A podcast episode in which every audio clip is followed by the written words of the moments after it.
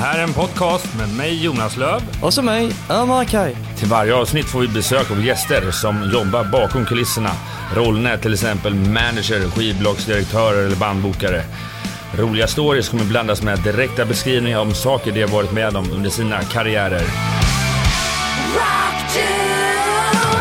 Ho, ho, ho! God jul och god fortsättning på er allesammans. Idag när Rockdudes 5 släpps är det annandag jul. I det här programmet gästas vi av Larsa och Ola från merchföretaget Defendam. Från början kunde de i princip ingenting om hur man tillverkar merch, utan de testade sig fram helt igenom do-it-yourself-metoden. Rockdudes 5 sponsras av hörlursföretaget Skull Candy. Hörlursmodellen Skull Candy Crushers beskrivs så här. Varning för bas du kan känna. Den är tillverkad i första klassigt material med perfekt passform, komfort och hållbarhet. Hörluren har också aktiv förstärkare med justerbar bas. Rockdudes huvudsponsor är J-Leaf IT och Media. J-Leaf IT och Media är ett bolag som har IT-konsulter med stor kompetens inom Microsoft infrastruktur och meddelandesystem. Företaget driver även Sveriges personligaste rockmagasin, Rockbladet.se. I slutet av programmet kommer vi presentera den ständigt återkommande musiktopplistan, där vi tillsammans med vår gäst presenterar 15 låtar. Det kan både vara ny och aktuell musik, men också låtar från band och artister som har en mer personlig betydelse. Listan publiceras både på vår Spotify-profil, Rockdudespodden, och på rockdudes.se. Nu gott folk är det dags för er att luta er tillbaka och lyssna på dessa två herrars många och långa stories från merchbranschen. Välkommen till Rockdudes 5. Hallå där! Hallå! Tjena gubbar, hur är läget? Jo, vars. Ja, som vanligt. Det går inte att få parkering i närheten av här, men annars är det ju hyfsat bra. Det är mycket lokala skämt runt det här, den här studion. Vi har ju för alltid kommentarer av det ena eller andra slaget. Ja. Lapplisor till höger och vänster. Fy fan, det är inte billigt att åka på böter här kan jag säga på Vasastan. Nej, precis. Det var en vinkällare i ryggen. Ja. Ja, ja det, är, fint. Men eh, Dumb, vad är det för företag? Eller hur startar ni eh, Deaf Dumb? Ja, du. Det är en lång historia, faktiskt. Eh, ja, i vilken ända ska vi börja? Började för 20 år sedan. Jag började för 20 år sedan. Ja, ja faktiskt. Det var lite innan dess. Ja, man spelade ju popband på den tiden och det fanns ju ingen som ville ge ut skivorna man gjorde. Så då bestämdes det för att starta ett litet skivbolag där under sängen i första lägenheten i Enskede. Och eh, ja, jag drev det som hobbyorienterat skivbolag faktiskt hela 90-talet. Eh, sen som jag jobbade på andra bolag och så. Men eh, ja, höll på med skivexport under en period i början av 2000-talet. Men sen så träffade jag Ola. Och kemi uppstod, som man brukar säga. Var det han som var den blinda utav er, döv och blind? Eller var namnet kommer ifrån? det är för namn. Han var svart blind eftersom han hakar på. Jag, jag är den döva och Lars är den dumma. ja, var kommer namnet ifrån då? Eh, ja, det var någon förvirrad konversation i eh, sista ring i gymnasiet angående de Three Monkeys. He, alltså, see no evil, hear no evil, speak no evil. Det kommer ifrån faktiskt. Varför, och då, det kallas ju Deaf and Dumb, det är stenbra. Jag tror att, och det här är faktiskt två år innan Clawfinger släppte Deaf Dumb and Blind-plattan, så att eh, vi var först. Eh, varför? Ja, ja. Det var någon förvirrad diskussion, jag vet inte faktiskt. Ola, när du kom in, eh, fick du chans att ändra namnet eller hade du åsikter? Nej, det är ju klockrent.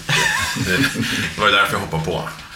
Och, eh, nej, det var väl till och med så att Lars körde rockklubbar nere på Snövit och tanken uppstod ju då, det är ingen som säljer t-shirts här. Och eh, ja, vi hjälpte till att hänga lite jackor där i en garderob. Och, nej, men vi, vi, vi trycker t-shirts. Som en slasa åkte jorden runt eh, med sin exfru nu då.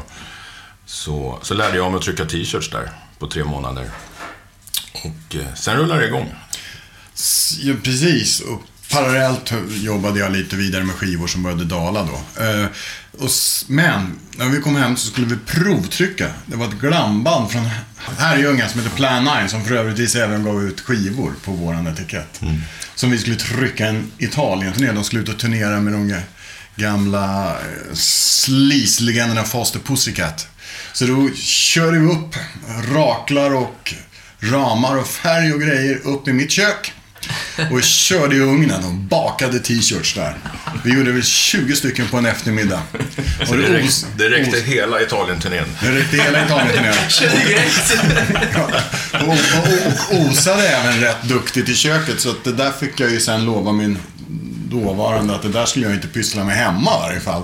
Vi hade ju ingen ventilation, jag menar den där kolfilterfläkten på Södermannagatan räckte inte riktigt till. För dessa heta glamrockartröjor med tryck fram och bak. Ja, och så börjar någonstans. Det liksom. Men ja, ja, självklart var det det. Jag, har- jag har kvar den Det faktiskt. finns en kvar. Jag vi hade två från början, men där släppte trycket i tvätten. Du har hållit rätt länge ändå nu. Nej, men alltså det var efter första tiden. Men berätta lite grann om, eh, om skivbolaget eh, när ni väl började. Så, här, vi- vilka utgivningar hade ni? Som, eh, hur hittade du Ja, de, och- först och främst de kompisarna som ville betala sin egen utgivning själv. Okej. Om man ska vara helt ärlig. Det, alltså, det, var, det var ett hobbyorienterat bolag. Jag hade lagret under sängen. Det var inte så mycket att hålla på om. Det var i början av 2000-talet. Det blev lite seriöst under ett par år. Vi gjorde en hel del tributeplattor. Vi gjorde någon platta med No Fun At All. Vi gjorde, på 90-talet gjorde vi sig första monsterplattan. Anders band innan han blev Money Brother. Eh, Conny Blom. Eh, ja, vi gjorde någon platta med Judas Priest också. Någon reissue-historia med videos och grejer. Och så lite tributeplattor. Ja, Släppte ni, eh, stämmer? Släppte en Judas Priest reissue-platta? Hur gick det till? Ja, jag träffade han som upptäckte Judas Priest i Frankrike på en mässa som heter Midem ett år. Okej. Och sen gjorde vi en licensdeal på den plattan. Så vi gjorde, de har ju funnits, Rock'n'Roll och Sad Wings of Destiny i x antal olika utgåvor. Eh, Men vi gjorde nog den bästa reissue, för vi la till gamla videoklipp från 70-talet från licensering från BBC. Vi la ganska feta liner notes och lite sånt där. Så den, Men den måste ha tickat på bra då när den släpptes? Eller? Ja, ja, ja, ja, ja. Och, och, och den ser väldigt bra ut. Så de brukar ringa en gång om året fråga om vi inte ska göra en ny upplaga från England. Ja, det är ju hett Judas Priest. Men, Ja, så Randy Piper från W.A.S.P. också. Åh, Ja, fantastisk. fantastiskt. men fan, då hade ni ändå ganska bra med band etablerade. För att det var ett litet bolag som hade laget under sängen. Ja, just, den, just under den här perioden hade vi inte lagret under sängen. Han har varit bredvid sängen. Bredvid sängen. Och så var ni exportör också ett tag. Ja, vi satt och exporterade MMVs rocklablar under ett par år när de hade lagt ner distributionen. Faktiskt, så det gjorde vi. Men det var ju på grund av att vi, vi hade ett distributionsnät utomlands tack vare de egna grejerna. Där jackade vi på deras katalog också. Och det funkade bra. Men sen så, eh, någonstans där så slutade det väl gå att sälja CD-skivor. Så att den här idén om att dra igång med merchandise kom rätt lägligt. Och att Ola tog tag i hantverket. Sen så köpte vi faktiskt eh, ett tryckeri ganska snart därefter. Ja, vi la 10 000 spänn var och, en snurra. Lite färg, några ramar och raklar. Hade ni noll, någon koll på vad ni gjorde? Alltså Ja. på att köpa in utrustningen? Visste ni liksom vad ni skulle köpa in eller? Hur Ja, självklart, jag hade ju kört i mitt kök. Jo, jo. det var ju en upplaga på 20 ex. Jag tänkte på lite större variant av det hela. Var, var utgår man från det liksom, när man väl startar ett tryckeri? Ja, man får ju lita på den som säljer, eller vi gjorde ju det. Ja, det, här, det, här, det, här, det här funkar att trycka med. Okej. Ja. Så att... Eh, men det var ju huvudet i kaklet, learning by doing. Vad var, vad var tryckeriet då? Jag antar att det var lite väl för stort för Lashas eh, lägenhet. Eh, vad, hittade ni ett nytt ställe då antar jag? Alltså, ja, alltså vad fan hade vi första för... Det var var ju- Gullmarsplan, va? Ja, på kontoret där. Det, det, det är jättesmå grejer alltså, så att det räcker med fyra kvadrat. Okej. Så får man plats med allt. Ja, precis. Men, men sen blev det stambyte i det huset. Det blev ju jävlig bökig historia där. där vi, fick, vi hade någon lägenhet som vi fick ha kontor i under perioden stambyte, men vi kunde inte flytta ut try- tryckeriet till den där lägenheten. Så, så det fick stå kvar i gamla kontoret där de höll på att byta stammar. Bland cementsäckar och pressändningar och rör. Och, Så där sprang vi fram och tillbaks med t-shirtlådor och raklar och grejer och vinter och kallt. Och... Det var i den vevan som vi brände en hel surgrusturné. Vilket det var- vi blev varse om på morgonen när vi kom till, eh, till eh, baks och skulle packa och leverera till bandet. Stod och tryckte hela natten för att eh, bussen går åtta imorgon bitti. Vi ses här imorgon sju igen. Packar ihop åt dem. Och då, var det, då sprack varenda tröja. Hade plasten brunnit. Shit. Shit. Så att, eh, men då var det 200 tröjor. Och det var en stor, stor order på den tiden. Och vad, vad tyckte bandet då? Hur löste ni den grejen i och med att allting gick åt skogen? Ja, vi löser ju alltid. Det ska jag säga, vi löser allting. Okej. Det är det som är... Kan inte lära ut tricksen här. Nej, nej, Nej, antagligen så fick vi väl skarva med någon jäkla UPS-leverans till första stället. Faktiskt. Vi tog väl in tröjor säkert från uh, en leverantör här i Stockholm. Och sen så skarvade vi bara upp liksom. Och tryckte och skickade. Jag tror det. Jag kommer faktiskt inte ihåg exakt hur det var. Det svartnade liksom bara på något vis. Där. Vi bara satt där och bara... Det var ju som, liksom, det var som papper som bara rasade ihop. Det som inte var missfärgat också. Det, det är som vilket företag som helst när man väl börjar. Det är lite DIY, learning by doing. Ehm, Det var ett av misstagen som ni gick bet på kan jag säga. Man lär sig sina misstag Ja, men sen skickade vi Ola på kurs också. Sen fick jag en två dagars kurs i Norrköping. Efter den grejen då, eller? Ja, det var väl Eller? där i, ja, men i början liksom. Det var en, en leverantör som, som höll kurser då. Så då fick man lite koll sådär. Men sen efter det, sen har jag varit över i USA och, och eh, Tyskland och England. För längre utbildningar då, eller? Ja, det är på mässor och workshops och andra företag, andra tryckerier. Och, Vad var, det, vad var det mer förutom den här storyn i Gullmarsplan som hände på första tryckeriet? Jag antar att det var Nej, ganska kallt i lägen eller Ja, kontoret i det där var en hemsk historia och sen ska man ju tvätta av skrinar och vi hade ingen utrustning för det. Vi låg i badkaret och kladdade och hade och det Och lösningsmedel i hela trappuppgången. Och, Men det finns en skön bränning till faktiskt. Så det var, då är vi lite längre fram. Då har vi fått, fått den stora eminenta orkestern eh, Dismember. Vi är jättenöjda. Jättestolta. På den tiden var de hur stora som helst, så som ni körde igång dödsmetall. I... Ja, det var väl deras första återförening eller vad man ska säga. Okej, all right. Så de har varit nere lite där. Så att, men de är taggade och ska köra. Och, och då brände vi, då var det longsleeves till Finland. Det vart fyra proppfulla sopsäckar med brända longsleeves då. Och det fick min mamma nys om sådär. Och bara, men du, nej, du kan inte slänga dem där. Och då ska jag tillägga, min mamma är ja, som alla andra mammor. Hon väver mattor. Så, att, eh, så jag har faktiskt en, en trasmatta hemma, svart, med lite blå och vita prickar i. Som är, som är gjord av Dismember T-shirts. ja, den tänkte vi kunde auktionera till Musikhjälpen nästa år. Ja, men det finns säkert något rabiat fan som jättegärna vill ha den här trasmattan som Ja, sitter på. Helst flera stycken som budar lite. Ja, det var ju en bränning ja. Men, men på den här tiden så jobbar vi fortfarande med den där första snurran. Den här fyrfärgsnurran som var ganska begränsad. Men vi gjorde vad vi kunde med den. Ja, det, Hur funkar det där med eh, ja, färgblandningar och alltså, hur får man fram själva konstverket att bli ett tryck? man framkallar ett negativ egentligen. Det är vad, vad man gör. Och istället för att det är som ett vanligt negativ så bestämmer man vart på en duk man ska släppa igenom färg. Eh, och eh, så gäller det att få då, när man ska ha flera färger, att de här negativen spelar rätt med varandra. Att gult och rött blandas på rätt sätt så att det blir orange. Om det nu är syftet med det hela. Eh, och så ställer man in de här så att det, det, färgen kommer ner på rätt ställe. Och så trycker man färgerna i rätt ordning. Det brukar vara att börja med ljust och avsluta med mörkt. Och sen, sen behöver det, det är ju plast oftast. Eh, och den behöver ju då härda. Och det gör den med värme. Så 160 grader i ja, en, två minuter beroende på hur tjockt det är med färg. Eh, sen är det klart. Och det där med 160 grader i två minuter var ju det vi sullade på på de här Precis. Planine-tröjorna i min ugn. Glöm aldrig det. 160 grader. Två minuter. Jag tror vi sullade lite på det. Och det var därför den bara torkade upp, inte härdade. Och således trillade av. Blev, blev inte de här maskinerna ganska varma efter ett tag? Alltså, jag menar, ett litet kontorslandskap, så att säga. Ja. Det blir det, va? Det var ju 40-45 grader, shorts och linne, mitt i vintern liksom. Vad, vad gör ni då? Springer ut i kalsongen här när det är Ja. 40 grader in och samtidigt... Svetten rinner och det dricka mycket vatten. Eh, Men, men sen fick vi ju bättre lokaler för Ja. det där. Alltså, sen fick vi ju riktiga lokaler som var bra. Så vi- vi- När vi flyttade till Västberga så var det industriområde. Vi kunde lukta och låta och slamra och slaska. Alltså, I den läget slutade vi ju lukta för då började vi, gre- började vi med ventilation också. Mm. Ja, det, det började vi med redan, vi var i en källare i Enskede ett tag. I bostadshus. Då hade vi en sur gubbe. Den körde upp ventilationen förbi honom. Faktiskt. Men han, vi blev nästan, de tröttnade på UPS-bilar och lukt. Det var, han, de fick backa in där bredvid gungorna bredvid hans balkong liksom. När han satt och rökte och drack vitt vin hela dagarna.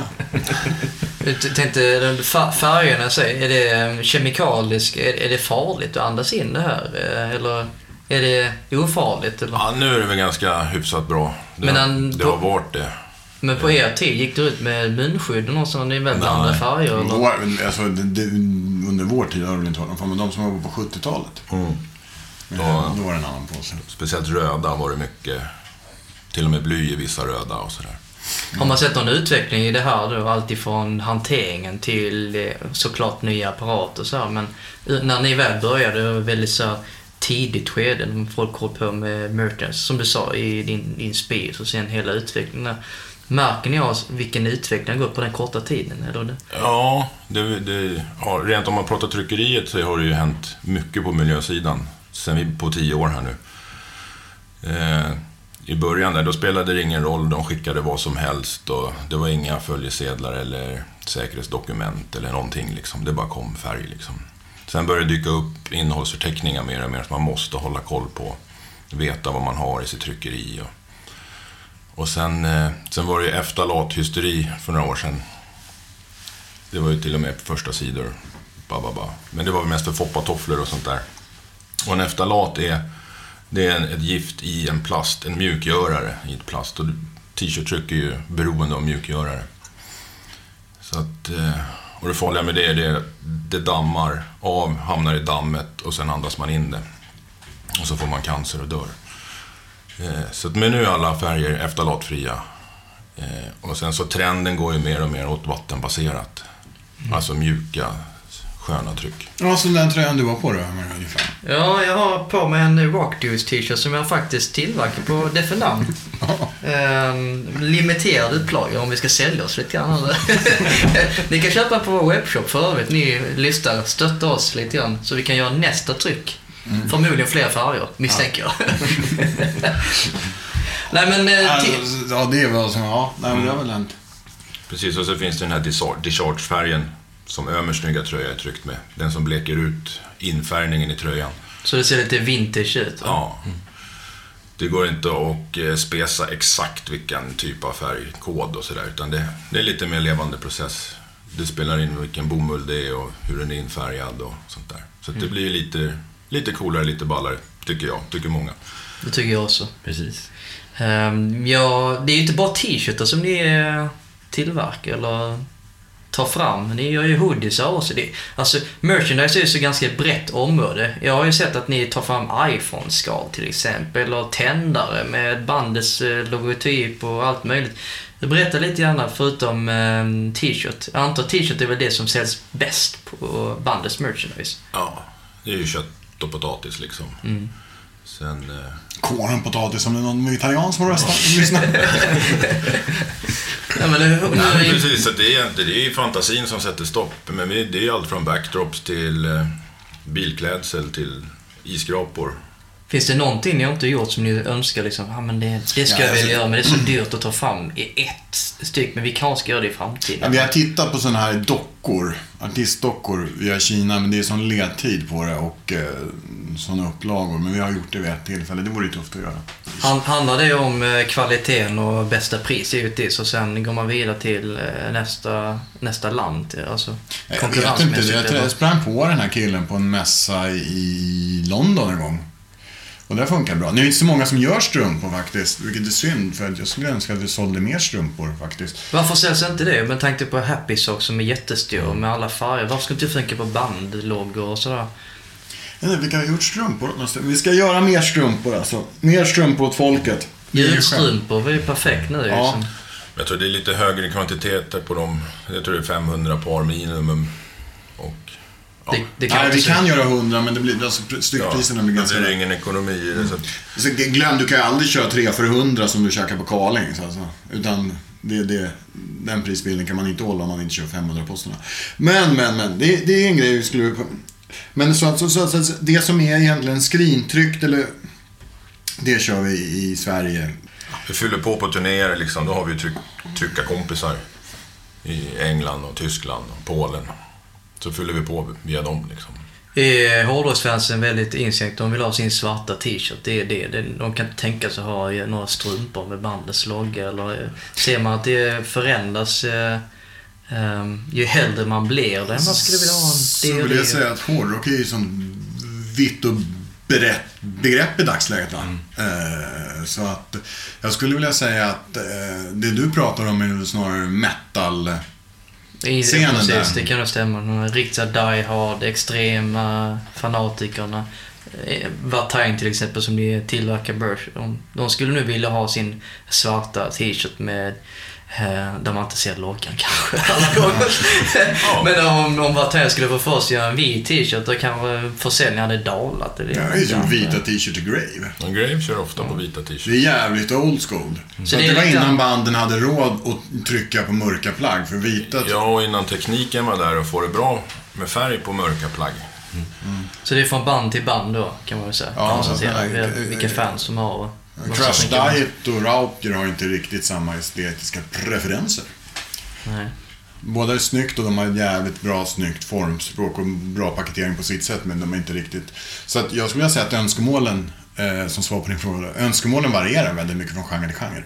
Tar ni hand om layouten också då? Eller får ni levererat artwork och så tänker ni Fy fan vad det här ser fult ut. Det här kommer bli helt galet. Det Kommer, ni, ni har jätte... Ni antar att ni ger feedback till eh, kunden. Ja, då frågar man ju, är det, är det tänkt att det ska se ut så här? Och så får man väl då ett svar på det.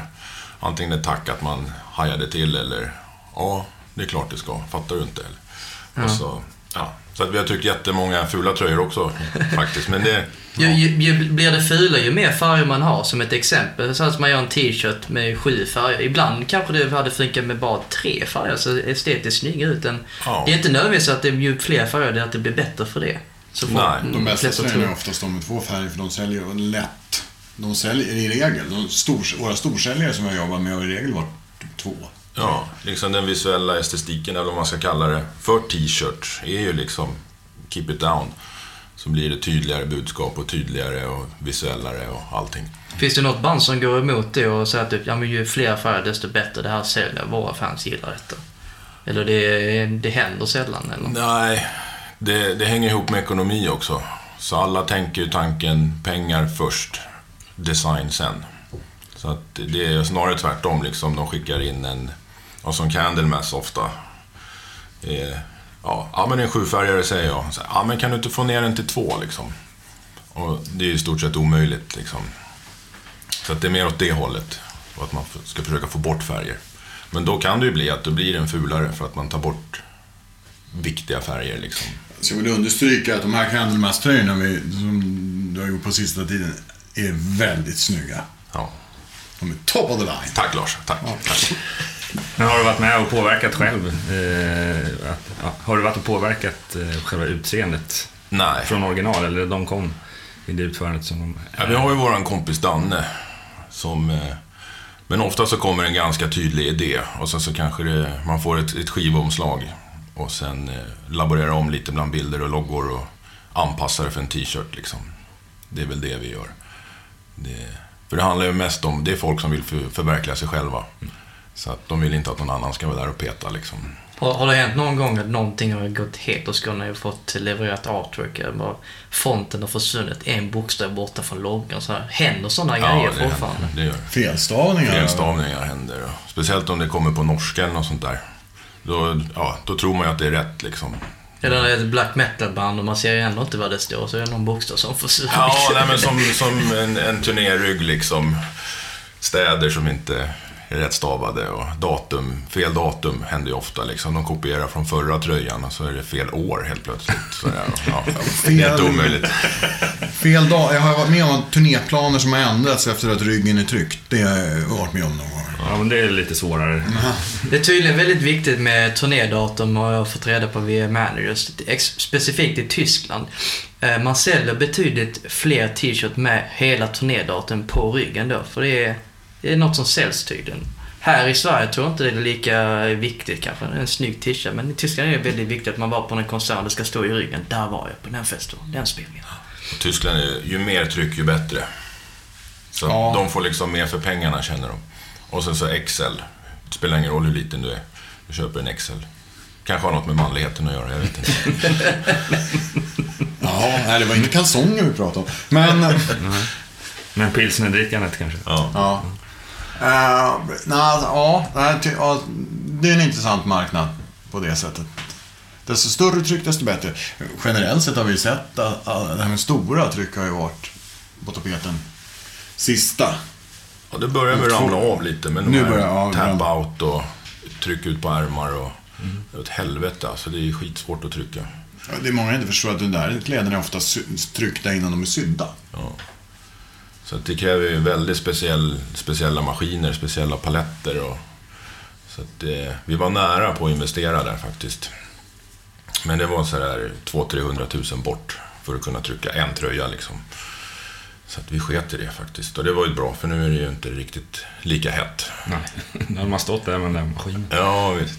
Det är, det är mycket trendkänsla också kan jag tänka. Ett tag är det inne med kanske kepsar eller mössor eller patchar är väl alltid inne. Men märker ni av det liksom att oj, vad är nästa stora grej inom merch för nästa år? Vi kanske ska haka på trenden nu. Och så. Men vita tröjor tycker jag, för det gick fan inte att sälja de första Ja, åren. det har kommit mer. Vita de sista åren alltså. och så Men jag vet att det är mer och mer vanligt för en bredare publik att köpa tröjor. Ja. För att det, det tycker jag mest varit förknippat med rockvärlden på något sätt.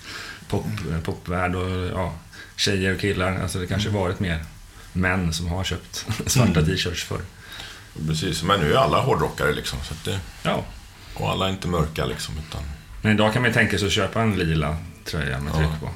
Ja, nu säljs ju Kiss-tröjor på, på Virginia Tricot. Så att, eh. Men eh, då tänker jag så här, typ, eh, ni jobbar ganska mycket med rockband eller eh, metal. Alltså, händer det att ni jobbar med popprylar också så här? Ja, ganska mycket till och med. De sista åren har det blivit mer sådana grejer. Ja, Idol, kan det bli poppigare? Ja, så ni gör idolgrejer Ja, också? vi gör Idol. Ja, Okej. Faktiskt. Så, Säljer det jättemycket? Jag antar att det är bara t-shirtar då? Till exempel en vit t-shirt, det är väl det som går hetare? det, det får vi se här om ett par veckor. Det, då kan vi börja utvärdera har Fast det vet vi, det är ju annandag idag. Det är annandag, så när ni hör det här så ni kan mejla oss och fråga hur det har gått. Nej, vi har ju kört hela säsongen i alla inspelningar och det är väl sådär liksom. Men lead time för att tillverka t-shirt, ni måste ju veta att vi, vem vinnaren är innan det går ut på TV4 eller? Men man gör, man gör, tricket är att göra fler designer. Och sen välja ut den som Ja, sen, vinner. sen har man alla klara, så trycker man på startknappen exakt då. Innebär det då att det finns eh, t-shirt-design som bara ligger och skräpar med en, inte en vinnare som egentligen skulle kunna tillverkas idag? Om det, Ja. Men det finns inget intresse kanske? Nu har vi faktiskt tillverkat alla som vi gjorde. Vi gjorde tre, ettan, tvåan och trean, alltså semifinalen. Okej. Där var vi beredda. Så de, de gjorde vi i ordning. Och sen, eh, Men nian och tian är inget intresse, det föll bort eller? det föll bort. Idol är väl en av de där, det programmet som klarat av så här, i varje fall ta fram artister som på, på, på längre sikt har kunnat bygga karriär, ty, typ Amanda Jensen eller Darin eller någonting. Faktiskt, så, så, på så sätt så skulle jag vilja hävda att det är det bästa programmet i, i sin genre. Faktiskt. Så, så då är det alltid från band till tv-produktioner, men så jobbar ni ganska nära med Bandit Rock också och tar fram deras merchandise? Ja, deras merchandise, men alltså vi jobbar en hel del med e-handel. Och vid sidan av att vi, vad fan har vi? Eh, Uppåt hundra webbshoppar, nu är väl inte alla som är någon... Några större, några mindre, kan vi säga. Ja, precis. Du tog magen i munnen på mig. Är det där eh, mestadels av intäkter kommer för bandets merchandise? Är det online då? eller Alltså, är det... nej, så, så, så där, men, och då driver vi Bandits också. Jag menar, vi driver flera sådana där webbshoppar. Och andra också. Faktiskt. Eh, Rockbladet, Rockklassiker. Eh, och så. så eh, Vad blir skillnaden på dem när det är typ ett media som, som står eh, bakom shoppen? När det gör ni mycket specialgrejer som är mer unikt för dem, säga band-t-shirts? ja, det finns ju dels det medians stil och sen är det ju ett helt fullt sortiment som ligger under liksom. Också. Eh, men Precis, sen, är det bara ett- en shop till ett, till ett band så är det bara deras grejer som ligger. I Bandit så då kan vi lägga in AC/DC t-shirt som vi känner för det och Metallica som vi importerar. Så där. Så det är väl den stora skillnaden. ja, Ja, så där kan vi lägga in my- my- mycket, mycket mer grejer. Men alltså överlag, så menar, vi har ju en stor del av företaget som är butiksförsäljning. Vi säljer mot butik också. Så jag menar, det är ju en ganska stor del av vår verksamhet. Nu. Så att det är inte bara direkt, utan vi säljer ju även artisternas grejer mot butik. Och även inte bara, utan andra grejer han säljer också. Faktiskt. Så att, Vi bara säljer. Ja, nej, merchandise. Jag menar, merchandise behöver inte vara musikrelaterat, utan... Och säljer ju, ja. det Det är tv-serier och filmer och... Det behöver inte vara kultur heller. Det kan vara eh, Vägverket eh, går ut med någon ny skylt och nej, nu ska vi göra marknadsföringsgrejer och t-shirt eller så. Men gör ni traditionella företagskläder och sånt Ja, också? men ganska lite, ganska lite. Det är om de hittar oss. Ja, det är Vi jobbar inte aktivt, men vi säger inte nej till att göra det. Men, men eh, vi gjorde faktiskt varning för älg, apropå Ja, Apropå till skyltar. en butikskedja som vi jobbar med. Finns det någonting att göra? Polisuniform och Polisuniform, det vore någonting. maskeralsyfte och halloween. Fast det är klart, ser de väldigt identiska ut så kanske det ställer till det lite grann ute i bankvärlden. Ja. ja. Ja, för det är ganska stor konkurrens inom den här eh, världen har jag förstått det som. Det, ni är ju inte det enda bolaget som håller på med merchandise. Men ni, har, ni är mer specialiserat sig inom rockvärlden kan man säga. Artister och sådär. Ja, det har liksom blivit lite uppdelat. Jag vet inte om en slump liksom. Vi har blivit lite, lite tyngre. Swedish Merch lite mera punk. Eh, Merch World lite mera pop. Så ni har nischat er med, med andra kan man ju säga. Ja, men det tror jag kommer från... Vi kommer ju lite därifrån själva med tycke och smak. Och det tror jag våra konkurrenter gör också, om de ser på sig själva. Liksom. Det är punkare och poppare. Tjej, Merch World är väl lite mer hardcore killar, men det, ja, det vart pop på något vis. Det beror på vilken sfär man kommer ifrån Mm. lite grann. Men lite Och vilket kontaktnät man har och... Precis. Och sen är det lite hur, eh, hur folk hittar en också. Alltså, om man nu har mycket rock, det är klart att då frågar man väl eh, sin polare var, var de trycker sina tröjor någonstans. Och så. Ja. Ja, men ni har ju ett eget klädmärke också. Det är för namn. Ja, Det är väl mer att vi fyller i hål, skulle jag vilja säga. Och sen kunder som har lite mer extravaganta önskemål. Vi jobbar med fabrik i eh, Indien direkt och där... Delvis har vi haft vissa kunder som har haft typ ABBA-museet eller något sånt där. Som har velat ha sina egna tröjor med egna Manac-labels som vill kunna styra exakt passformen på tröjorna, att de sitter på ett sätt som de tycker är bra. Eh, och då har vi kunnat erbjuda det, man styr upp tröjor som är liksom custom made, exakt som de vill ha det. Eh, annars fyller vi ett hål som finns på marknaden. Det har varit ett jätteproblem att få tag i baseballtröjor med vit arm, svart kropp till exempel. Vilket är optimalt om du gör ett tryck för ett svart t-shirt kan du trycka på baseballtröja samtidigt. Fanns ingenting, det enda alternativet var American Apparel som var fruktansvärt dyra. Bra tröja däremot, men fruktansvärt dyr. Så då har vi tagit fram och sytt upp egna sådana. Det gäller att tänka lite grann outside the box då. Alltså, jag har till exempel varit i ett showroom och sett att ni har haft eh, Back Your Babies Converse med deras logga på sidan. Hur, hur gör man en sån grej liksom med ett etablerat företag? Alltså Converse är ju en eh, jättestor inom rockvärlden med, med deras skor. Jag visste inte ens att man kunde göra såna grejer med eh, Back Your Babies logga på insidan. Liksom. Det är ett exempel på en merchartikel som alltid det togs in och såldes slut assnabbt, de där skorna vi körde. För att det var limiterat eller det var så, det händer liksom Ja, aldrig jag att tror det var har tips. 300 par eller någonting. Goffor Det gjordes någon påfyllning också. Men det var inget vad vi gjorde. Och den där sköna finskan i Årsta. Det var hon som broderade dem. Så när Back Your Baby kör reunion nästa år, då ska jag hålla hårt i mina dojor som säljer på Har du ett par då? Ja, jag har en kvar. Storlek 39. Jag är ganska liten kille så... så finns det någon där som har skostorlek 39, ge mig ett anbud så... ett bud så... Ja, det måste ju minst vara uppe i 1750 nu. Med tanke på att de gick på 750 då.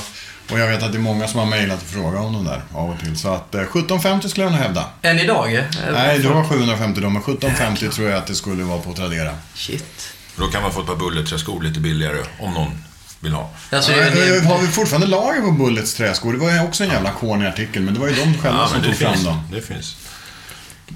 Det var en skön. Annars... grymma. Det är, de är, det är nitar på. sålde det också bra? Jag har ju sett de där träskorna, eller vad det var. Nej, det finns ju kvar lager. Så att, Ja. Men marknaden är väl mättad kanske. Precis. Ja, men jag vet, Skostorlek. ja, De Fel har storlekar har svårt det, det, det, det, där är svåra med skor om du pratar med någon som handlar kläder. Alltså, Okej att det, är- det är storlekar på t-shirtar. Men skor är ännu värre. Ja, för det är... Vem som helst kan ju ha en XL-tröja även om du har smål. Men det är, Mm. man kan inte ha... För, Ömer som har 39 kan inte ha storlek 45. Nej, det går ju inte. Men det, sen är det så att typ, om man köper för fel eh, t-shirt storlek en över. Jag säger att jag har S, vilket jag har, och jag köper en M som är ganska stor. Jag kan alltid krympa den i tvätten. Det blir lite svårare med träsk.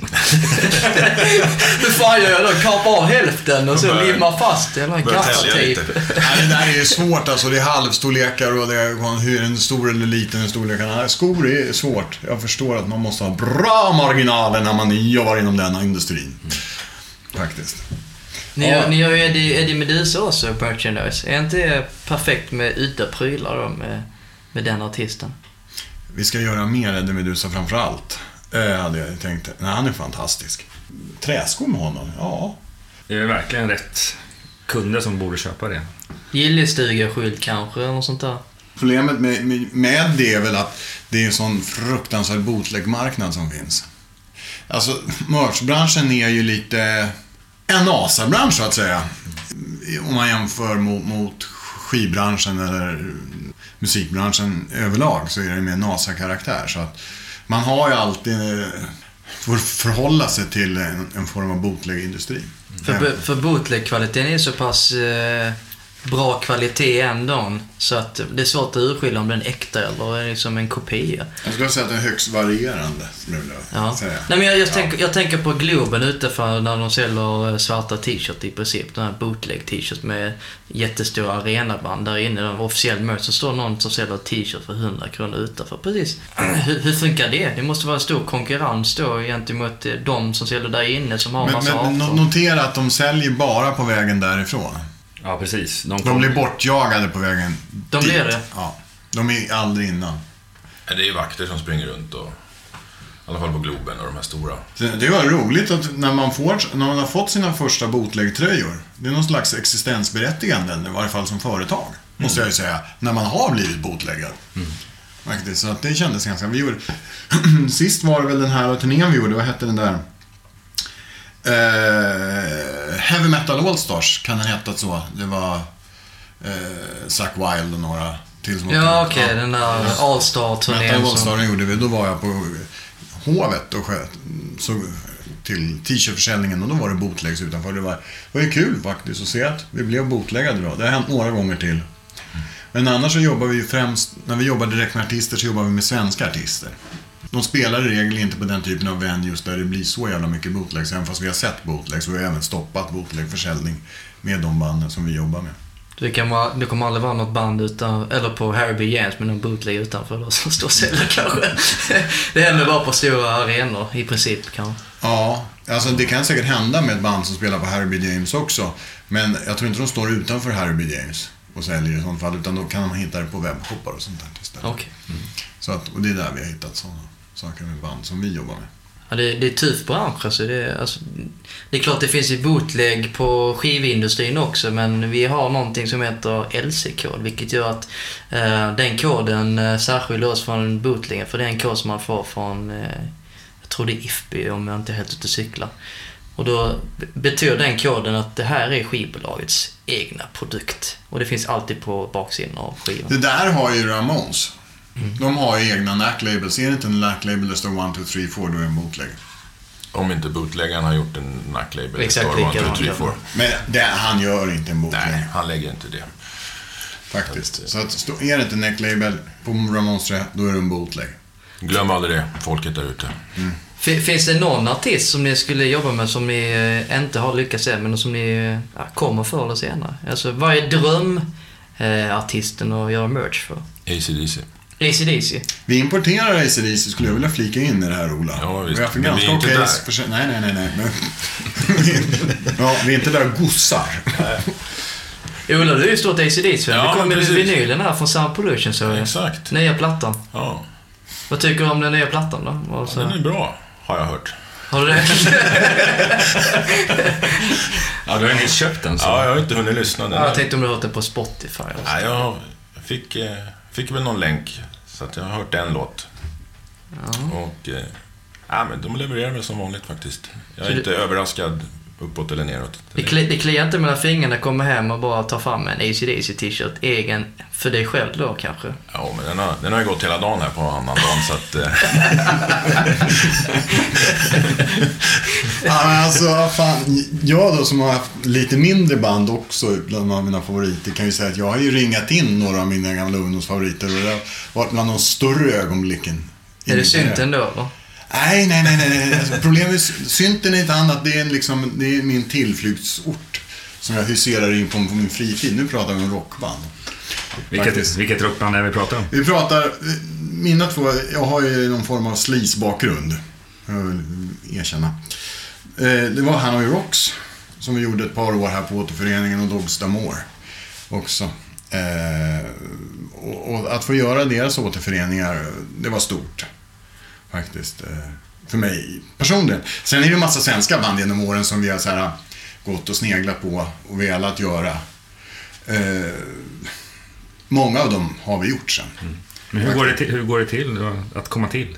Kontakten Ja, är managers eller kontakten är Ja, skivbolag, precis. banden det, det är ju så olika historier. Dogs D'Amour är jävligt märkligt för det är ett engelskt band som väljer ett svenskt merchbolag för att göra en återföreningsturné i England och Spanien. Jag, jag vet inte 17 hur den kom till egentligen. Faktiskt, men det var, det var en stor stund i mitt liv. Han och Rocks, hur fan kom den till nu? Jeppe va? Ja, vi hade ju i för, vi, originaltrummisen i Hanoi Rocks jobbade på Deaf and Dumb förut. Och jag tror att någonstans är det på den vägen eh, som det hände faktiskt. Och sen var det kontakter via management och sen vissa av medlemmarna var kamrater och sånt där som nya medlemmar i orkestern. Då. Och så, på den vägen. Så det var ju två stora stunder för mig som gammal slisare. Faktiskt. Eh, ja, vad, sen, jag vet inte. Mer förband man skulle vilja göra. Sisters of Mercy vore kul om jag bara pratade sådär liksom. Från en egen. Om det är någon från, som jobbar med Sister of Mercy som lyssnar på det här, kontakta jättegärna Defendant. Larsa ger skitbra priser bara för att förverkliga sin dröm. Det hör ni direkt i podden här på Rockhus. Ja.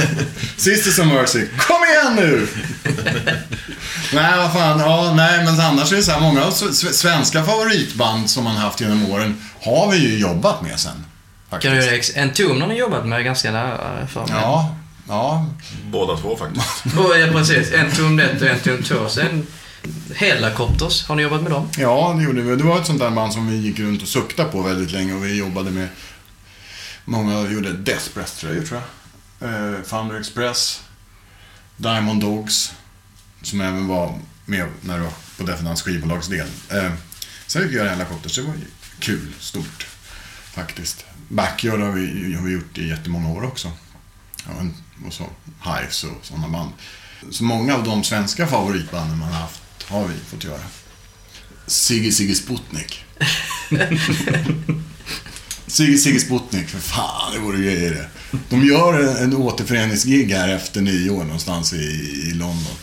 Det vore något. Ja, vi har gjort alla. ABBA och allt. Ja, det är ju ABBA-museet i Ulledomen. Har du gjort ABBA? Nej, Ja, men det gick vi ABBA-museet. också och sukta lite. För det, det gick vi också och sukta lite efter länge sådär. För det fanns liksom inga ABBA-merch innan museet fanns.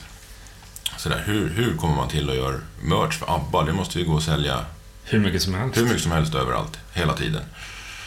Sådär, men det... Kontaktade ni Marie Lidin då, eller hur Nej, vi, vi grej? gick nog mest och kliade oss i huvudet bara. Och sen, sen kom det ett ABBA-museum och så... Kontaktade ni ABBA-museet då? Det här var en bra grej att göra i samband med invigningen kanske? Ja. Eller vi, de hade en annan leverantör först eh, som de inte var helt nöjda med. Så att vi klev in där. Förhoppningsvis är de nöjda med oss. Fortsätter ni då? Antar jag? Ja, jag har inte hört något annat. Men som sagt var, det är en Norsa-bransch. Ja, det. Det det, är inga avtal, det är inga kontrakt. Det är, Nej, det är ju det som är så roligt med merch. Det är inte, den är inte så uppstyltad direkt, utan... Du lever här och nu. Får du en Ja. order idag, det vet du. Men det- vad som händer imorgon, det är en helt annan grej. Nej, det, det, det gör den lite extra spännande så att säga.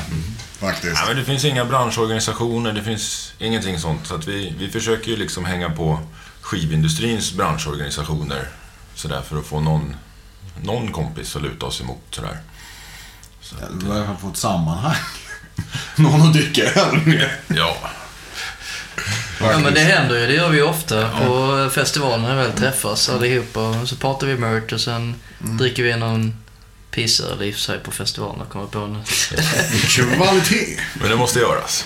Ja, ja precis. Ja, Representera nej, men, men, och- eh, så, så det, är vi, det, finns ju en, organisation i England men de, som egentligen jobbar egentligen mest mot bootleg-industrin. Och där, där mörsbolagen är med. Men det är ju mest att de har ett syfte och det bekämpa bootlegs faktiskt. I Sverige, I Sverige är ju faktiskt procentuellt sett väldigt mycket bootlegs eftersom vi har så få merchbolag närvarande i, i Sverige. Eh, faktiskt.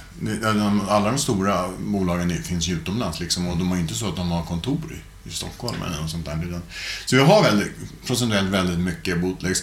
Vi har affärer med A-ägaren som riktigt säljer bootlegs också. Vilket är rätt udda, tror jag. I och för sig har du Camden i London. Det är, Det är den största bootlegsmarknaden i, i men där blir det i varje fall razzior ibland. Faktiskt. Ja. Ja, för sin skull antar jag. dagen efter. Kommersen igång igen. Ja. För, förutom att banden säljer eh, merchandise som ni tillverkar på, eh, på live-giggen och webbshoppen som ni tillhandahåller åt dem. Ni har haft en butik också, eller hur? En gång i tiden. Ja, då tar vi det. Vi hade en butik på Skånegatan.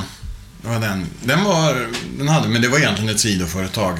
Det man vill ju alltid ha haft en butik, men... eh, Delar eh, ni er butik med någon eller hur kom Nej, den? nej, den körde vi. hade inte distbox. Faktum är att vi har kvar distbox som e-handel. Vi hade det och det var ett separat företag som vi hade ihop med en annan kille, distbox på Skånegatan. Och det var rätt kul, men eh, vi ska inte starta några, någon till butik. Är det svårt att ha en butik då och sälja, sälja merch eller handlar det om läget? Eller, jag kan tänka mig, jag själv personen som köper merch, köper ganska mycket online till exempel. Ja, Jag tror det kommer mer och mer. Det konkurrerar ju liksom. Och tricket med merch är ju, ska du sälja merch så måste du ha mycket merch. Folk vill gå och pilla och prova och klämma och känna. Och många band och många varumärken. Så det, det är startsträckan. En ruskig startsträcka på butik, så det gör vi inte om. Men vad ser ni själva? Vad är den stora utvecklingen? Av, hur ser mer, eh, merchandise-branschen och det från Damm ut om fem år? Jag trodde att det var på väg åt ett annat håll. För några år sedan skulle ju alla skivbolagen in i, i branschen, men sen började ju man tjäna pengar digitalt istället. Så att de är inte lika på där. Om man tittar på merch. Vad merchbranschen är om tio... Jag, jag tror att det är ungefär samma faktiskt, skulle jag säga. Den har varit rätt, sen den etablerades de sista 15 åren, har varit rätt statisk faktiskt. Ja. Fast jag skulle kunna tänka mig att, att eh, ja, vad ska man säga, fansen, fansens behov av att eh, förstärka sin identitet med hjälp av merch kommer sjunka. För ungdomar, det är inte samma musikintresse som när vi var små. Då var man syntare eller hårdrockare, eller så spelar man fotboll. Nu är det så mycket mer inblandade i kidsens tillvaro. Det är dataspel och det är vad det Ja, är. men det blir ju också merch. Dataspel, alltså det det blir Finns det nya branscher helt enkelt? Ja, det- Ja, det, det, det läcker in. Men jag tror inte du, in- din identitet Nej. har inte med att du spelar dataspel. Du förstärker inte den med en t-shirt. Det kommer bli mer webbförsäljning och, med, och det, konsertförsäljningen är som den är. Liksom. Det är jag var där, tröjan eller kepsen. Finns det någon utveckling där då, kan jag- säljkanalsmässigt, just när ni vill snacka digitala marknader? Etablerar ni, ni har ju webbshop, men det styr ni över själva, men går den, Den- vidare i den- andra, i Den andra ska, den, system? där ska vi vara banbrytande. Enough said. Faktiskt. Men, men, eh, alltså, men andra sidan har vi ju sett, alltså, vi gör inga sådana grejer själva, men vi har ju sett en fruktansvärd utveckling på dataspelsmerchförsäljning och jag vet ju även att de här som, eh, som kör World of Warcraft och, och Minecraft och sånt där, det är ju fruktansvärda mängder merch på de där grejerna. Även en del film och tv-serier, jag menar sådana Breaking Bad, Big, Men samtidigt, Big det, är- det, är när- det är inte närheten av vad Iron Maiden var när Iron Maiden var stora och sålde t-shirts. Nej, men den säljer fortfarande sjukt mycket Ja. grejer. Nej, men så det är en skillnad liksom. Ja, men, jag, tror, i, i, det beror på vilket led. Jag menar, eh, det är inga turnéer med, med Big Bang Theory direkt som åker runt och turnerar och säljer merch. Jag vet inte hur den turnén skulle vara egentligen. Men, men jag menar, alltså, i retail-led så har vi ju sett att de där grejerna säljer ju mer för tillfället än rockgrejerna. Men jag tror att det är också annat. Det går i cykler här. Med tv-spelsbranschen kan det inte vara så här typ att även om inte folk är ute och träffar folk så köper ändå sin World of Warcraft t-shirt. Men man köper i samband med, med ett spel och paketerar det på rätt sätt. För att nå ut så många miljoner när de väl lanserar någonting så blir det ett mervärde. Sen sitter väl eh, kidden och spelar World of Warcraft eller Minecraft och vad det är med 16 timmar om dagen framför en dator och ingen ser t-shirten ändå. Men ett köp är ändå ett köp. Mm. Det kan vara så man får se det lite grann. Ja, men Men där, där finns det ju distributionskanaler att bygga. Liksom, säg att du, ja, du köper en keps samtidigt som du köper eh, extra vapen till ditt spel. Mm. Den fick ni alldeles gratis. Och tillverkar AK47. Jag vet inte. Ja. Man ser Lars, han sitter och dämpar lite. Men det är inte rock science liksom, det kan ju alla räkna ut att det är dit allting går. Du ska kunna köpa samtidigt som du gör någonting på din telefon eller... Det är samma sak som Spotify, att man Ja. länkar in merchandise den, den vägen. Ja, det- Eller det annan försäljning eller... Där är vi liksom redan. Ja, det blir Köp ju dina jag Hives-tröjor på Spotify. Ja, vi. Men det- än så länge har väl inte den kickat igång riktigt. Än så länge. Vi har, Jag tror bara folk har, ja, kanske inte uppmärksammat, men man har sett att det är någonting där. Men eh, sen är det att man måste klicka sig vidare och köpa. Ja, men sen är det väl som beteendemönster är liksom. Men jag ser ju att ni är i framkanten ändå. Ni är ju en av de första bolagen inom Merch som startade hela betallösningen live. Ni hade ju till och med egna kreditkortsapparater. Vilket var otänkbart innan, men om man inte hade pengar och gick på en spelning. Då stod det liksom, som exempel Rauter som väldigt tidigt i sin karriär hade kreditkortsapparater och lösningar man kan betala med sitt Visakort. Direkt på plats. Mm. Som Ja. ni eh, tillhandahåll. Ja, där var vi nog rätt tidiga. Eh, Faktiskt. Och webbshopparna där var vi också tidiga med. Det första systemet var helt hemsnickrat.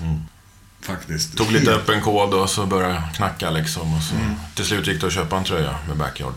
Så, så här, men det där var vi väldigt tidiga. Vi var väldigt tidiga också på det där att alla banden hade egna shoppar som var designade efter deras eget deras egen hemsida. Så vi hade varit rätt tidiga på ganska många områden.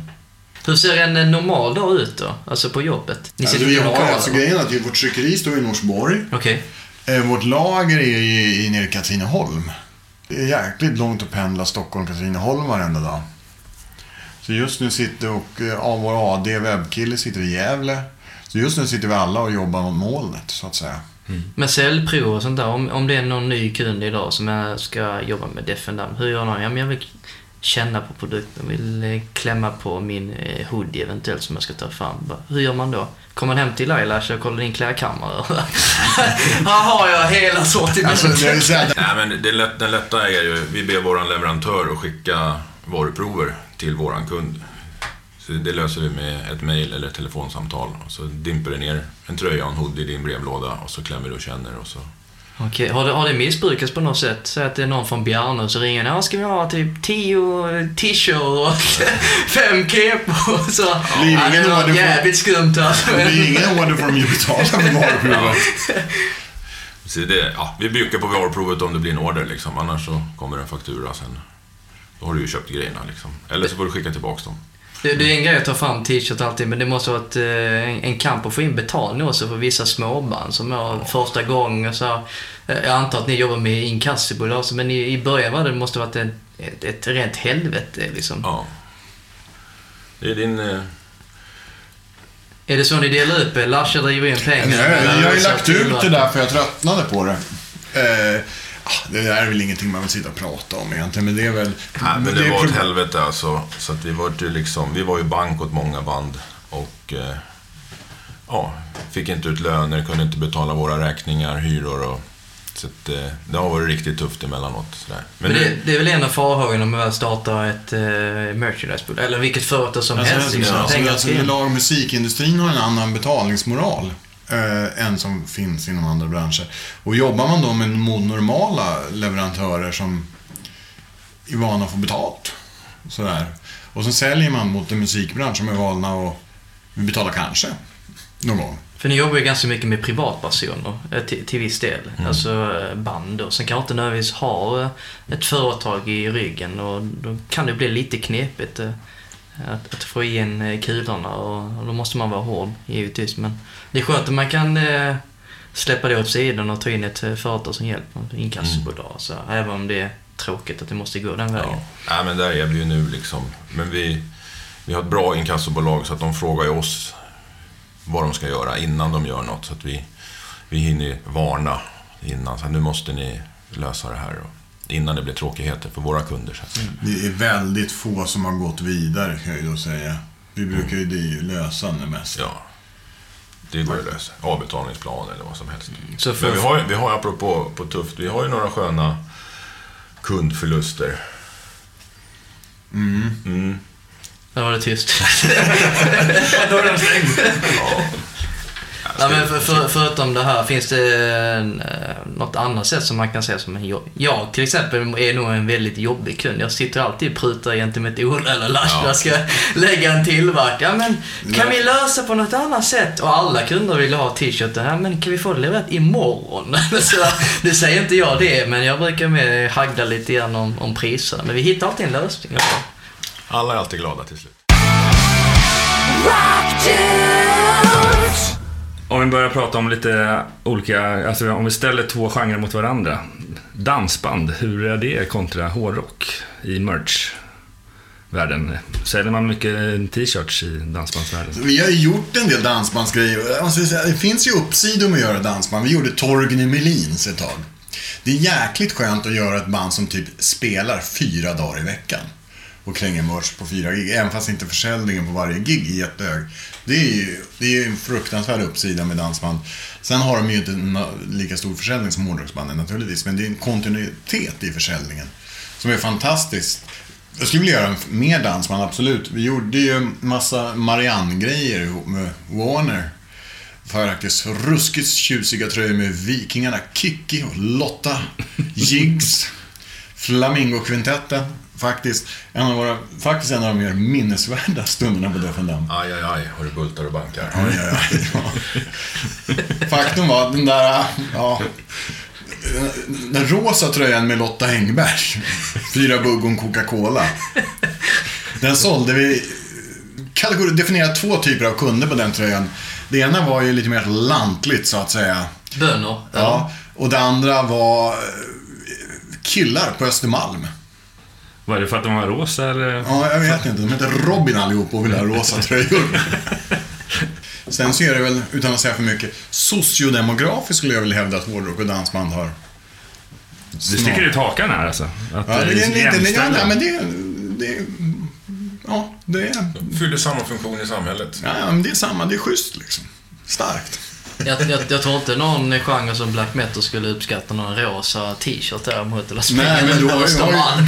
Nej, fan, vi har gjort rosa Easy Action-tröjor. Hives har kört rosa, tror jag, va? Nej, så Har har det? rosa. Easy Action hå- eh, gjort rosa. Eh, Joio. Nifelheim har nog aldrig gjort rosa, tror jag. Niflame har aldrig gjort rosa. Rosa är nya svarta. Rosa är den nya svarta, ja. ja. Precis. Efter att det vita har varit det nya svarta ett tag så är det solklart faktiskt. Vad är nästa färg då? Vad, vad, är det någon färg ni... Nej, men- Blå. Jag tror Magenta. Ja, men Lila. blå. Vintageblå. Vintersblå, okej. Lila. Lila är den nya ja, rosa. Lila, lila blir det nya rosa. Det är de här svartrocktjejerna som man försökte få till det med när man var yngre. Som, eh, de gillade ju lila. Vet du. Ja, nej, man, Har du på dina lila brallor? Eh, nej, faktiskt inte. Jag hade par lila brallor. Jag tror att lila är, li, lila är det nya rosa. Ja, okej. Som Det- var det det- nya det- svarta. ja. Ja. Men brallor gör ni inte någonting för det är svårt att ha en logga på Jag levererar, ut, jag levererar ut 150 brallor med stiftelsen idag. Alltså ni gör i, i jeansmaterial? Nej, nej, nej, nej, nej, det var mer träningsbrallsvarianten. Är det Malin för dig nästa år då? Lasha? Malin och Sweden Rock. Sweden Rock. Vilka kontraster så att... Uh, ja, det Folkfest båda två. Folkfest, glada människor, klackarna i taket. Lite olika dans bara. Ja, ja, ja, ja, ja, ja, ja. det är bara en fråga om brusning. Men eh, hä- händer det att ni hänger med banden och säljer deras merch? Alltså live eller det, det är mer... Jag har aldrig gjort det nästan. Har du Men gjort Jag har det, ju varit i småbarnsträsket. Ja, jag har varit ute en del. Nu var det väl några år sedan jag var ute sist. Är det mer en, eh, du känner banden, en kompis men jag hänger med så eh, festar jag med dem under turnén och så hjälper till lite med merchen. Det är ju inte i form av betalning alla gånger kan jag tänka mig, man gör en Nej, det, nej, men vi är ju mer liksom det där service-minded liksom. Ja, som ett, ett lite kul exempel är Hellacopters avskedsturné T-shirtarna är slut i London. Ja, det är bara att ställa sig och trycka på natten, hoppa på ett flygplan, två resväskor fulla med t-shirts, jogga över till, till gigget, lämna över dem till, till Erik. Och det går att sälja t-shirts igen. Och så får jag en kvarts miljon i kontanter, flyger hem. Finns det några minnesvärda konserter eh, som ni har gjort merch till, som ni har varit på och så? Oh, vilken grym spelning. Hade inte jag gjort merch så hade jag aldrig varit här liksom, Ja. och sett det här. Eller? Jag vet precis Ja, jag vet också. Vilket, har ni något Det är gemensamt? samma. Vad är det då? Hanoi Rocks, En liten klubb i Berlin. 200 pers. Mike, Mike Moreau joggar på bardisken och ja, trasslar in sig i mixladden. Och, ja. Nej, det var magiskt. Var den minnesvärd en eh, konsert just för att det var litet och intimt, eller för Hanoi Rocks? Kan det... Alltså, det, Ja, och det var sånt jävla drag liksom. Det blev, blev bra. Och då hade han på sig eh, se tishan som det till och tänkte nu är det en stolt ögonblick Ja, i Defendansen här. Skål! Alltså, det där, jag tror inte det var, vi var någon merchförsäljning, men gigget var ju fruktansvärt bra. Eh, de lyckades typ sammanfatta det mesta som var bra med eh, fräsig rock'n'roll på det gigget, tycker jag. Eh, men, men och, Hanoi Rocks var ju aldrig stora i Tyskland. England, USA, Skandinavien, Japan. Vilket gör att då fick man plötsligt se dem på en litet ställe. Soundtrack of Our Lives på en liten klubb i, i Berlin var ju också här gig. Annars alltså, alltså ögonblick som man kommer ihåg alltså från en merch-synpunkt. Det är väl en, när man, man ser, ser sina tröjor liksom på, i sammanhang där man inte hade förväntat sig. Att man ser massa av våra tröjor på Sweden Rock är väl ingen konstighet. Men när man ser dem på en chartersemester på Kreta till exempel. Då är det lite roligare. Eller på TV-sammanhang, alltså Idol kanske, eller något sånt där liknande. Ja. Någon har på sig en Disbember-t-shirt och på publiken. Hur gick det här till? Ja, nej, Då blir alltså- man ju stolt alltså. Ja, nej, så, så det är väl de mm, väldigt eh, så minnesvärda ögonblick. Nu är det dags för Rock Dudes 5s musiktopplista. I musiktoplistan presenterar vi 15 låtar uppdelat på en tredjedel var. Våra eminenta gäster inleder med sina fem låtar och därefter kommer Jonas och Ömer att presentera sina. Musiktopplistan kommer publiceras via vår Spotify-profil Rockdudespodden och på rockdudes.se. Vi börjar med första låten. Vad är, vad är det för något? Backyard Babies UFO Romeo. Det är fruktansvärt bra låt från kanske eh, en av de svenska bästa rockskivorna någonsin, Total 13. Vilket jag tycker är tillräckligt. Backyard Babies är en en av de banden vi har jobbat längst med.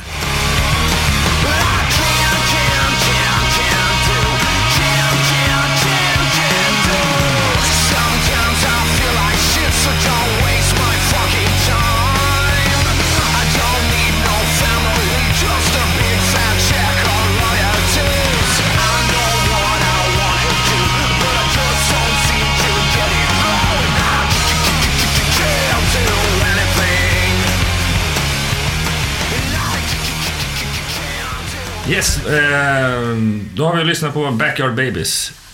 Vi, vad har ni för mer låtar i bakfickan? Vi fortsätter på samma, samma, eh, Samma genre. sfär, kan man säga. Okej, vilka är det då?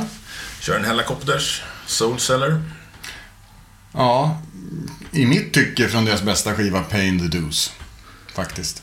Eh, också ett band som vi har jobbat med och, och i likhet med Backyard eh, en av Sveriges bästa rockband någonsin faktiskt. Och eh, Ja, det är himla synd att de har slutat. ja, det, alltså, det var något speciellt. Det måste vara någonting i vattnet där i mitten av 90-talet här i Stockholm. Så, faktiskt. Eh, Alltså, för det första, det var jävligt mycket gig överallt och fruktansvärt kul och det var mycket klubbar överallt och det var fan gig i varenda källare tyckte jag hela tiden. Och, och väldigt bra period för Stockholms rockliv och någonstans var det de två banden det är väl tongivande från, från den scenen och, och, och det är bland de bästa svenska som har funnits.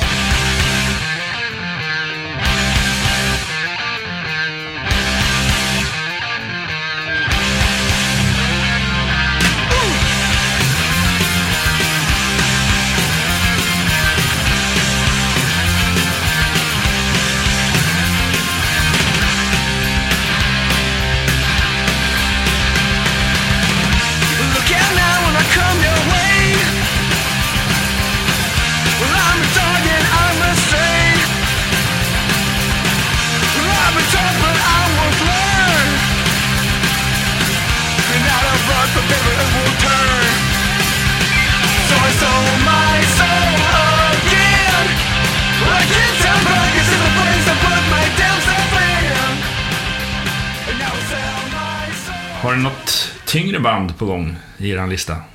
Ja, en tomd har vi nog valt. To ride, shoot straight and speak the truth. Eh, nu känner jag mig lite upprepa mig själv här lite grann. En tomd. Eh, ytterligare kanske en av Sveriges bästa band någonsin. Mm. Det här är från... Eh, den här låten så myntar väl de epitetet gubbdöds. Gubbdöds? Ja. Shuffle och dödsmetall i en härlig symbios.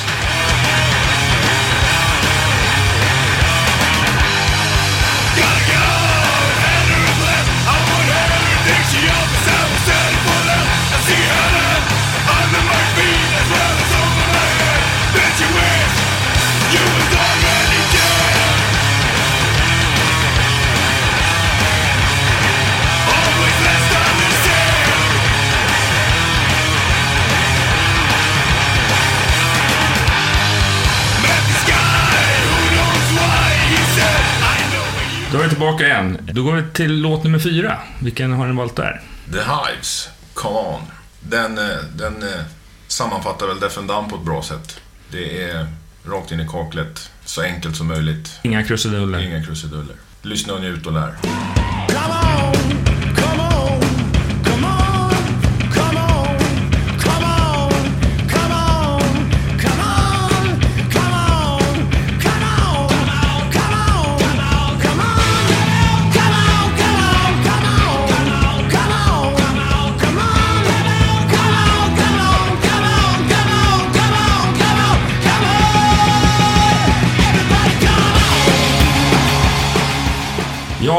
Vi kommit fram till er sista låt.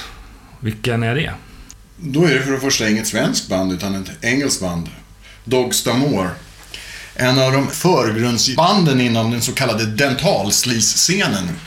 Med dentalslis så menar vi då eh, brittiska och skandinaviska slisband som ser lite sämre ut än de amerikanska motsvarigheterna. Lite sämre tänder, lite blekare, lite, lite mer stripigt hår. Det är mer rock'n'roll och punk än vad det är, är hårdrock. Eh, inom genren finns ju även Hanoi Rocks, Choirboys etc.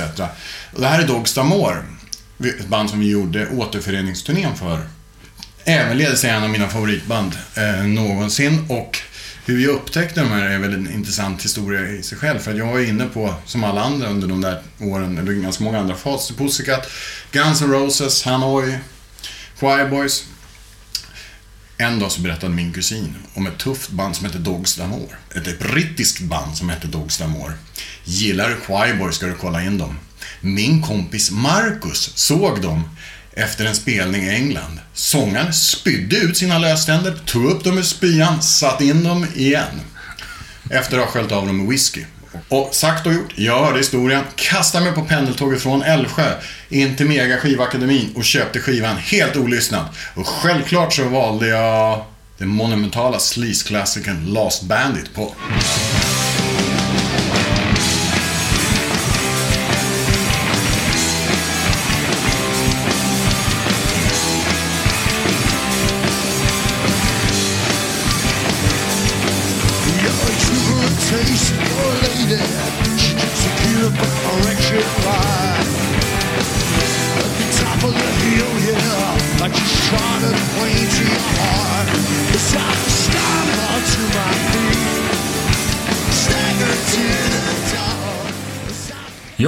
Har vi alltså fått topplistan ifrån Def Dumb, deras fem bästa låtar. Eh, då är det dags för Psykicen över. Hur ser din lista ut den här veckan, Mane? Denna veckan kommer att bli, eh, ja, som vanligt surprises. Jag gillar liksom skifta om det och här och där. Det är inte nödvändigtvis bara metal jag går igång på. Här har jag faktiskt en rocklåt. Första låten eh, med Fate No More med låten Motherfucker, deras nya singel för deras kommande platta som släpps, jag vet inte, släpps väl nästa år. De är tillbaka efter 17 år, Mike Patton och gänget. Eh, det är experimentell rockmusik så alla Fate No More givetvis. Mike Patton är ju, han är en mångsyster. Han skulle vara lite grann som eh, uh, Snowshow i Sverige kontra, alltså, en mångsyssla som sagt. Och det är en jävligt bra låt. Get the motherfucker on the phone, the phone. Get the motherfucker on the phone.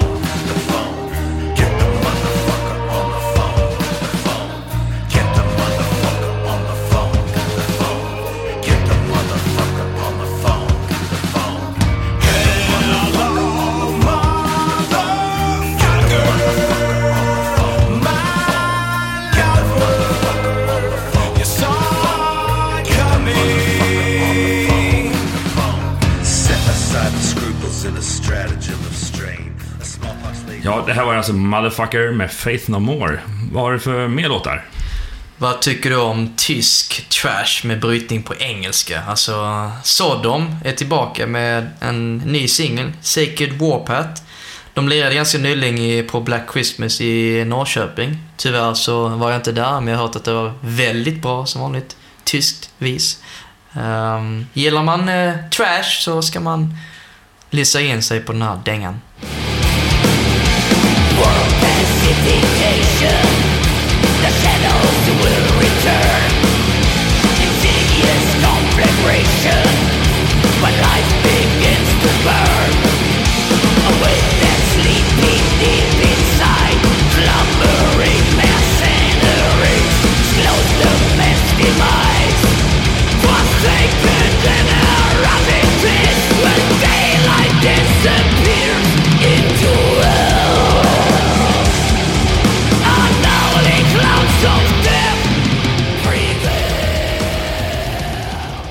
Ja, det där var alltså tysk thrash med Sodom. De spelade i Norrköping på Black Christmas för några dagar sedan. Men vi går vidare till din nummer tre. Ett band som inte spelas på Black Christmas Norrköping var ett metalcore-band eh, från USA. Som jag önskar skulle lirat där, men ah, det är ju inte... Vad heter de? De heter All That Remains och de har en ny singel som heter No Knock. Men de är sjukt stora i USA.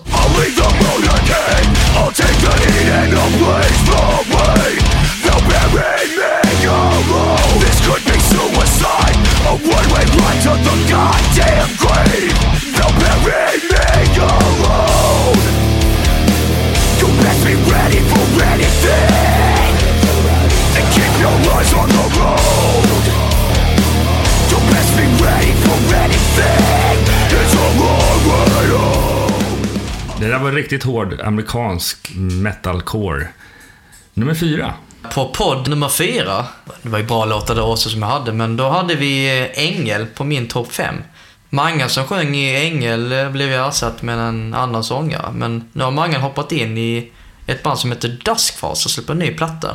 Och se, låten heter To the Pigs från deras skiva Where the Tree Stands Dead. Det är old school Göteborg döds typ 90-talet.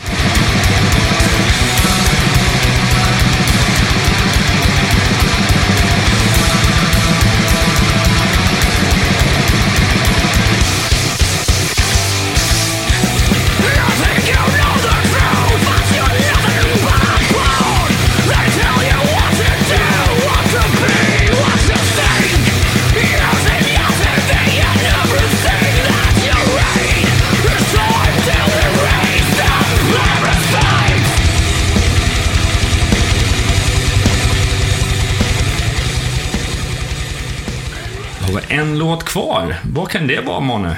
Det här är en äh, gammal låt, men för att fira att Rammstein har hittat tillbaka till Spotify, eller hittat tillbaka, är på Spotify äntligen med hela katalog, så tycker vi firar det med låten Ängel från plattan Sehnsucht. Wer zu Lebzeit gut auf Erden wird nach dem Tod ein Engel werden. Den Blick gen Himmel fragst du dann, warum man sie nicht sehen kann. Erst wenn die Wolken schlafen gehen,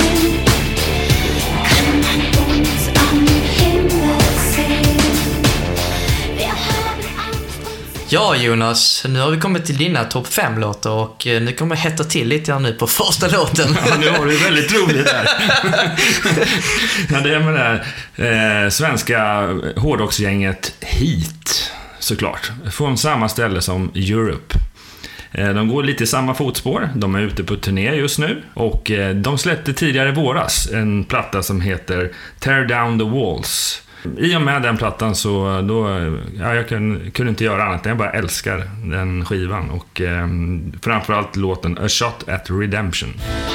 What has been done has turned another man to a rolling stone.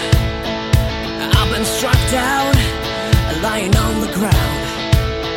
With a bitter taste of loathing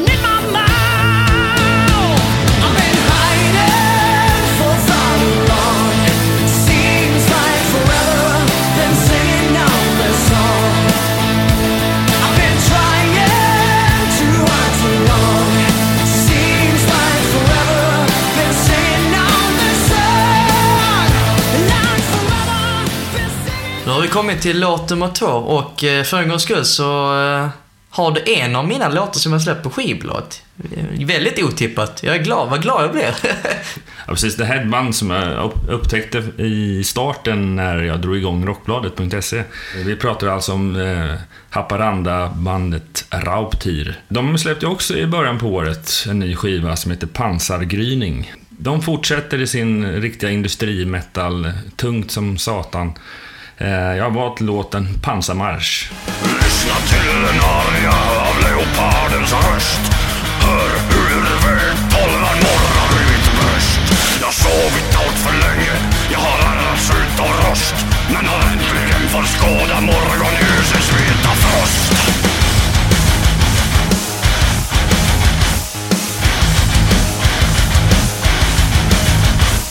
Jag bär på massiv eldkraft, sprängpilar och bly Jag har skådat många strider, jag är redo för en ny Jag bringar undantagstillstånd och inför krigets lag En pansargryning nalkas, ifrån det kommer jag låt nummer tre är ett band jag aldrig hört eller kan knappt uttala. Eh, vilka är dessa? Ja, det här är också ett nytt band för mig faktiskt. Den eh, dök ner i brevlådan för ja, någon månad sedan, lite drygt. Och det är bandet Arsenite, ett, band, ett thrash metal-band från eh, Kumla. Eh, de har precis bara för någon vecka sedan släppt eh, en ny skiva som heter Apophis. Och den, ja, den tar den verkligen tillbaka till 80-tals thrash-scenen. Påminner en hel del om Slayer, Megadeth och även Metallicas tidiga alster. Jag har valt titelspåret, Apophis. Det är bara att lyssna och njut.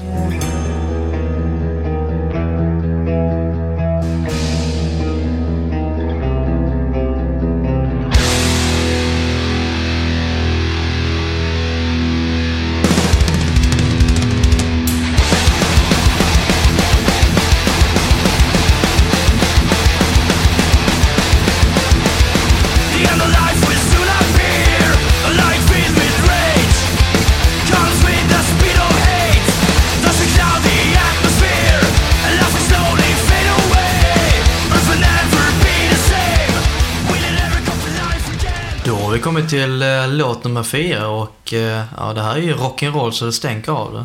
Ja, mer rock med mycket energi och mycket ös och det är tjej-hårdrocksbandet Thundermother. Jag har slagit igenom lite kan man ju säga under det här året. Eh, såg dem bland annat på Sweden Rock här i somras. Det är sånt där band man verkligen ska uppleva live. Då, eh, ja, då vet man var skåpet ska stå. Så att jag har valt låten Shoot to Kill från deras eh, skiva Rock and Roll Disaster. Cause you're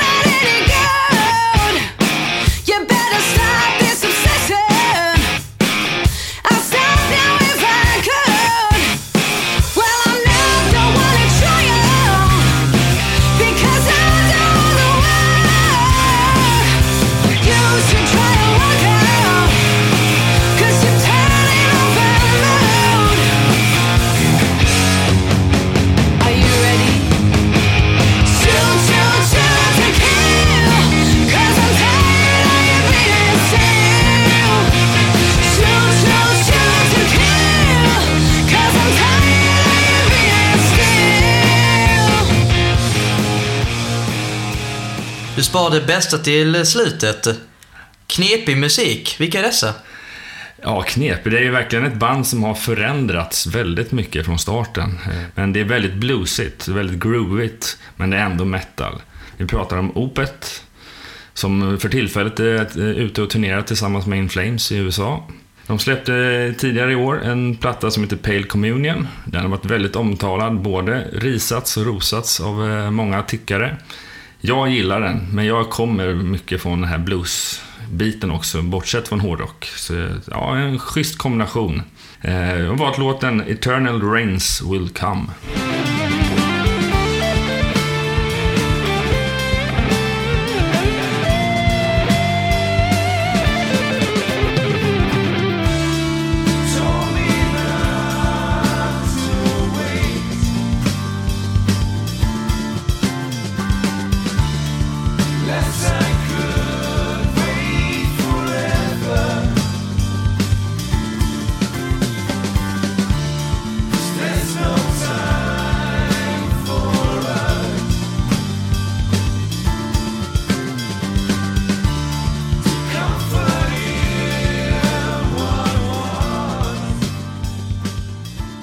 Har vi avhandlat alla 15 låtar i musiktopplistan på Rock Dudes 5. Det är annandag jul och vi har pratat om eh, allt ifrån spyor till merchandise i alla dess former.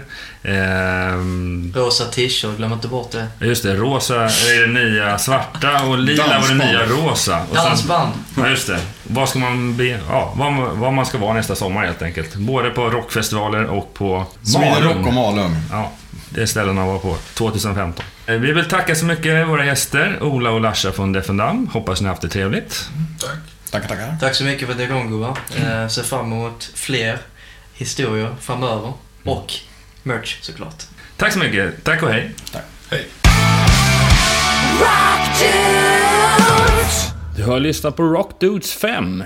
Musiktopplistan du hörde i slutet av programmet hittar du under vår Spotify-profil Rockdudespodden och på hemsidan rockdudes.se. Återigen har vi fått lära oss ytterligare lite mer om en del i det stora maskineriet bakom banden och artisterna.